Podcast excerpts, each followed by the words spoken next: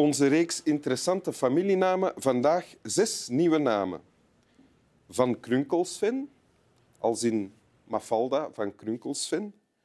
Kanepoel, Cor Kanepoel bijvoorbeeld.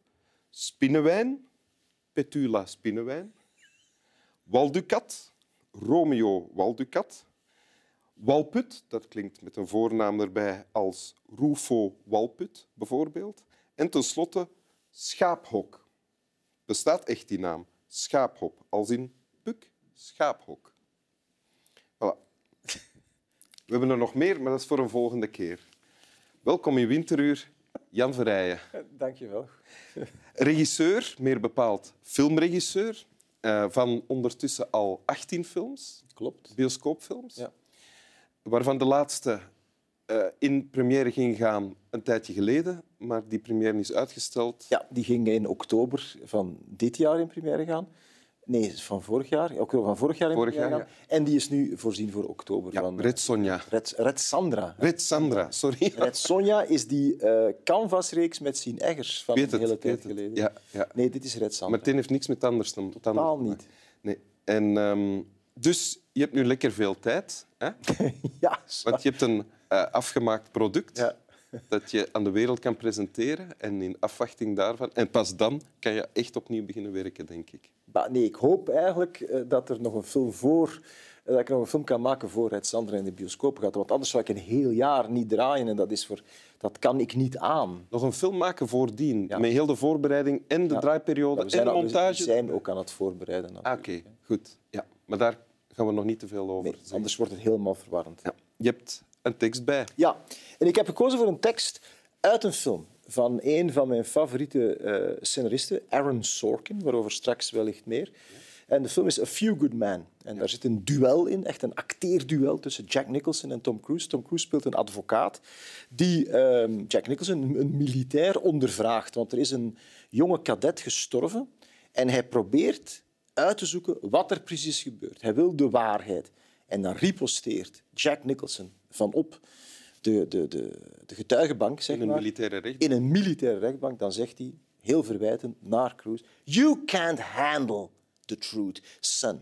We live in a world that has walls, and those walls have to be guarded by men with guns. Who's going to do it? You? I have a greater responsibility than you could possibly fathom. You weep for Santiago, de militair die gestorven is, and you curse the Marines. You have that luxury. You have the luxury of not knowing what I know. That Santiago's death, while tragic, probably saved lives. And my existence, while grotesque and incomprehensible to you, saves lives. You don't want the truth because deep down, in places you don't talk about at parties, you want me on that wall. You need me on that wall. We use words like honor, code, loyalty. We use these words as the backbone of a life spent defending something. You use them as punchlines. I have neither the time nor the inclination to explain myself to a man who rises and sleeps under the blanket of the very freedom that I provide and then questions the manner in which I provide it. I would rather you just said thank you and went on your way. Otherwise, I suggest you pick up a weapon and stand post. In de film is het eh, Jack Nicholson. Ja, dus dit is beter nog. Hè? Is het nog beter, ja. Is ja. anders geacteerd. Ja, ja, ja, ja. Eh, maar, ehm, maar jij kiest het als tekst, hè? Ja, absoluut. Ja, ja, omdat natuurlijk... eh, Ik wil eigenlijk graag de draad opnemen van wat mijn vriend en collega Erik van Looy hier een aantal eh, seizoenen eh, geleden eh, pleitte. Namelijk, als je een Nobelprijs literatuur kan geven aan Bob Dylan, dan zijn er best wel een aantal scenaristen te verzinnen die die Nobelprijs literatuur verdienen. In de loop van de filmgeschiedenis zijn er grote namen geweest, maar recent is die Aaron Sorkin. Dat is iemand die erin slaagt om Wat heeft hij nog allemaal? Die heeft de is- Social Network, de Social Network en op televisie The West Wing, die fantastische reeks Mijn favoriete. het Witte Huis. tv-serie ooit. Voilà, kijk, The West Wing en, dat is, en, en eh, onlangs The Newsroom. Ja. Ehm, en die dingen die onderscheiden zich door hun schriftuur. Ehm, het is heel moeilijk. Het is niet alleen moeilijk om een, een verhaal te bedenken, maar het is vooral heel moeilijk, dat is een zeer onderschatte discipline, dialogen te schrijven. Het is niet toevallig dat in Frankrijk, als je naar de generiek kijkt van Franse films, dan staat daar heel vaak scénario de, dialogue de. Daar wordt vaak een, iemand ingehuurd die echt Een aparte dialoog. ja, een aparte dialoog schrijven. En bij ons doen we dat allemaal zelf en zo, maar het is ontzettend moeilijk. Er zijn zeer weinig. Mark Punt bijvoorbeeld, van Matrushkas en Fairtrade, die kan dialogen schrijven. Schrijf jij zelf ook scenario's? Ja, maar, maar niet zo... Ik, eh, ehm, het Vonnis eh, heb ik geschreven. Ik ben nu aan een andere eh, film bezig. Ik schrijf ook altijd wel mee, maar ik vind dat zelf een ontzettend moeilijke... Ik, dat, is, dat vraagt Ja. een enorme zelfdiscipline. Ehm, en dat vraagt ook veel meer tijd natuurlijk als je kan beginnen als regisseur met een scenario, in welke vorm dan ook of in welke fase dan ook. Dan ga je daar verder aan puzzelen, maar de basis ligt er al. Ja. Dat is wat je aanspreekt. En het begint ook altijd met dat scenario. Ik onderbreek u, want we moeten het ook over deze tekst hebben. Ja. die je, dan, je hebt dan een tekst gekozen. Ja. Hè? Wat, wat gebeurt er hier? Dus Jack Nicholson verdedigt Ja, zich. Jack Nicholson is eigenlijk de bad guy. Jack Nicholson is een strenge, zeer rigide militair die eigenlijk, waarvan we vermoeden dat hij inderdaad verantwoordelijk is voor, Voor de, dood. van die jonge kadet. Santiago. En in veel films is dat dan een zwart-wit gegeven. En wat Aaron Sorkin zo mooi kan verkennen, is die grijszone, die oncomfortabele grijszone. Zodanig dat de uitleg die Nicholson hier geeft, it makes sense. Plotseling is dat niet een, een, een, een, een routineuze bad guy, maar is dat iemand met een, met een visie, dare I say, met idealen. En die inderdaad iemand als Cruise dan confronteert van jij hebt makkelijk praten, jij hebt makkelijk praten op die cocktailparties, terwijl ik met mijn mensen klaarsta op de kogels op te vangen die jouw het vrijheid gulpt er hieruit. Hij heeft natuurlijk altijd ontkend en geprobeerd alles verborgen te houden. En wordt hier zo kwaad gemaakt door het personage dat Tom Cruise speelt, dat het eruit komt wat eigenlijk al heel lang klaar zit. Hè? En hij, Cruise manipuleert hem natuurlijk ook Ja. tot op dat punt. Want Ja. nou, even later komt er dan ook een, ja, bijna een bevestiging van zijn verantwoordelijkheid. Maar eh, het, het- een van de kernpunten in zijn betoog is, is ook Santiago's death, while tragic, probably saved lives. Hij is het soort man dat bereid is, die fameuze militaire term, collateral damage te aanvaarden. Die begrijpt of ik zeg niet verdedig, maar begrijp dat je soms een leven moet offeren om een veelvoud van levens te redden. En dat zijn natuurlijk geweldig interessante morele dilemma's. Ik, ik flip helemaal op morele dilemma's. Betekent dat dan dat jij, als je die film voor de eerste keer zag, of misschien daarna ook, begint te praten met andere mensen en zegt van wat zou jij doen? Ja, dat vind wat ik had ik gedaan? Super interessante vraag. Als je uit de bioscoop komt en je kan discussiëren met je vrienden, wat zou jij doen in die omstandigheden? Ben jij- Cruise of ben jij Nicholson? Ja.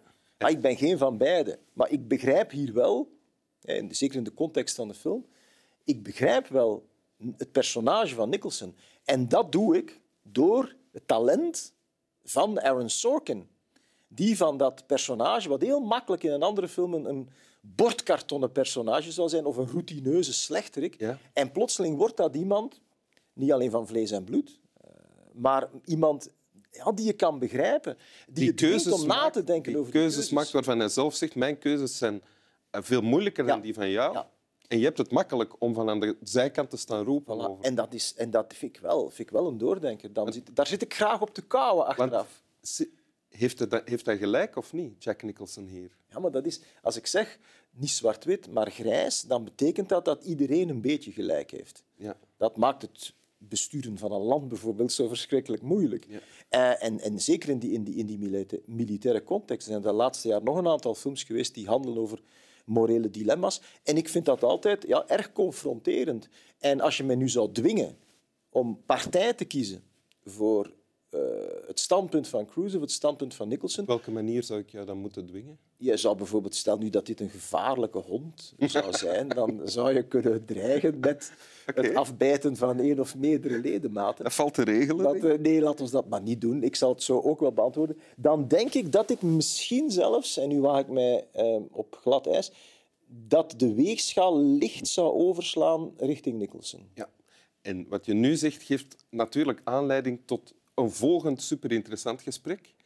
Dat we niet kunnen voeren, dat is de bedoeling van Winteruur. Wil je de tekst nog eens voor? Ja, absoluut. Dus ik ben Jack Nicholson, geconfronteerd met Tom Cruise. Ja, die jou in het nauw drijft. die mij in het nauw drijft. En, waar, en dan zeg ik, you can't handle the truth. Son, we live in a world that has walls. And those walls have to be guarded by men with guns. And who's going to do it? You? I have a greater responsibility than you could possibly fathom. You weep for Santiago and you curse the Marines. You have that luxury. You have the luxury of not knowing what I know. That Santiago's death, while tragic, probably saved lives. And my existence, while grotesque and incomprehensible to you, saves lives.